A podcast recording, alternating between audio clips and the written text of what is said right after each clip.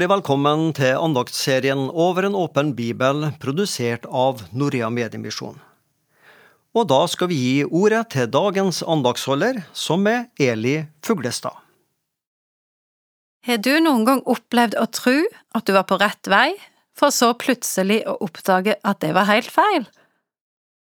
Eller som jeg en gang, som kjørte glad og frimodig i 80, og så plutselig sto det skilt med Slutt på 60. Når vi mennesker blir gjort oppmerksom på at vi gjør feil, når vi tror det er rett, eller at vi ikke er så gilde som vi trodde, reagerer vi ulikt på det. Noen blir fornærma, andre sinte, flaue eller takknemlige.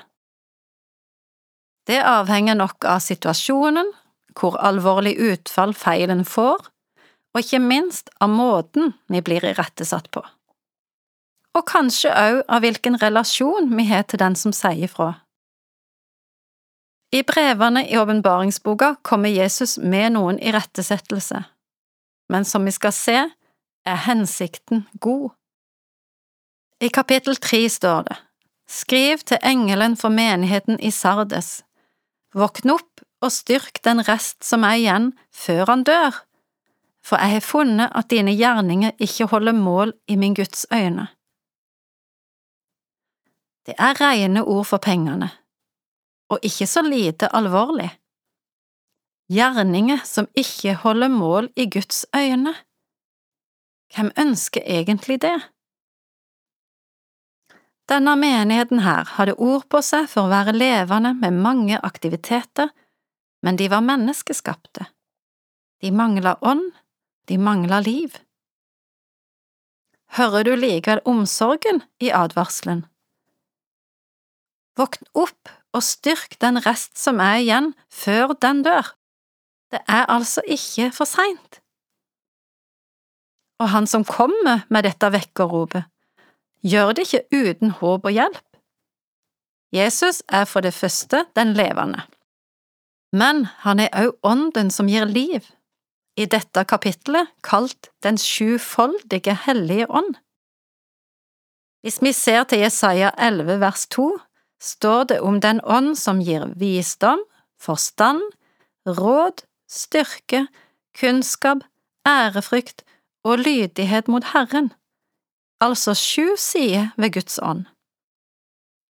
Vi trenger å gi rom for alt dette både i livet vårt og i menigheten vår.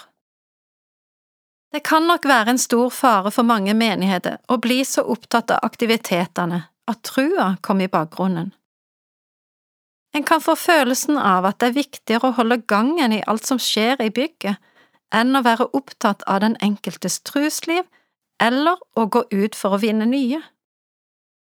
Men om kristenlivet med alle sine aktiviteter holdes i hevd, men trua dør, er Herrens omsorg der fortsatt og kan skape nytt liv. Når trua våkner til liv igjen, ser vi Kristus klart.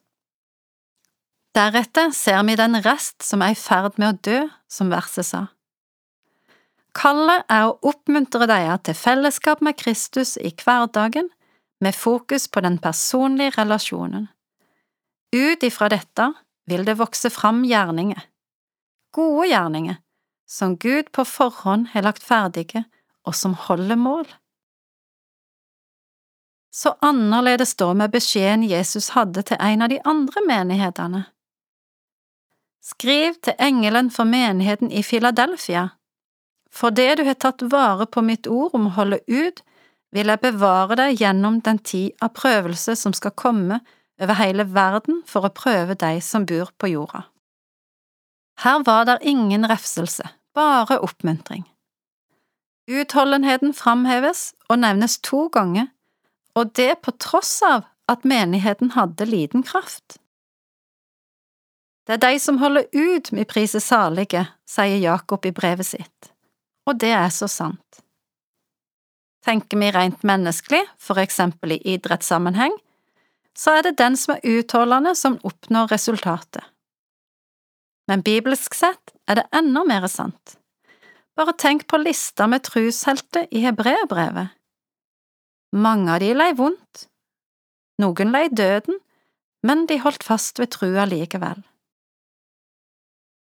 Men når sant skal sies, har kanskje vi mennesker lettere for å prise salig en menighet som har mange aktiviteter gående, sånn som i forrige brev, enn en som er liten og tilsynelatende ikke oppnår noe mer.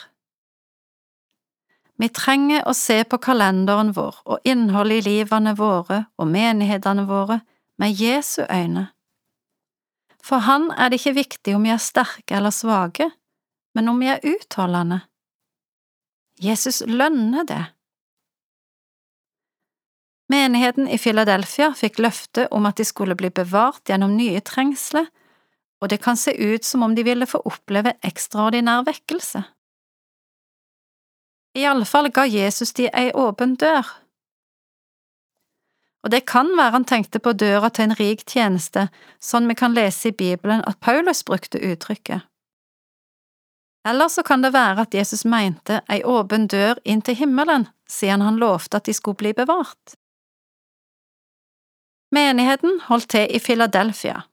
Det er et gresk ord for broderkjærlighet. Og nettopp kjærligheten til søskenfellesskapet i trua er en nøkkel til å holde ut. Alene er vi så mye mer utsatt. Det er tungt å stå alene i en kamp. Det kan være lett å gi opp eller gi etter. Sammen med andre truende kan vi få hjelp til å løfte blikket og til å fortsette. De kan be for oss, minne oss på sannheten og være med og gi oss nytt mot. Men ved å dele ærlige liv får vi òg hjelp til å se andre enn bare oss sjøl.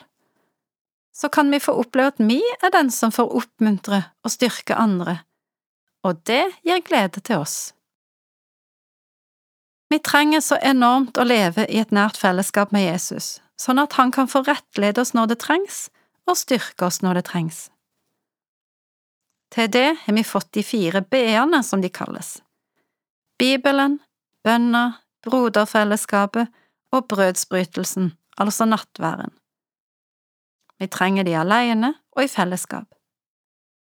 La oss sammen holde ut i det løpet som er lagt for oss, med blikket festet på Jesus, han som er hellig og sannferdig, og som er Davids nøkkel, sånn at han kan åpne så ingen kan lukke. Du har hørt en andakt i serien Over en åpen bibel. Og dagens andaktsholder, det var Eli Fuglestad. Serien den produseres av Norea Medmisjon, og les gjerne mer om oss på norea.no.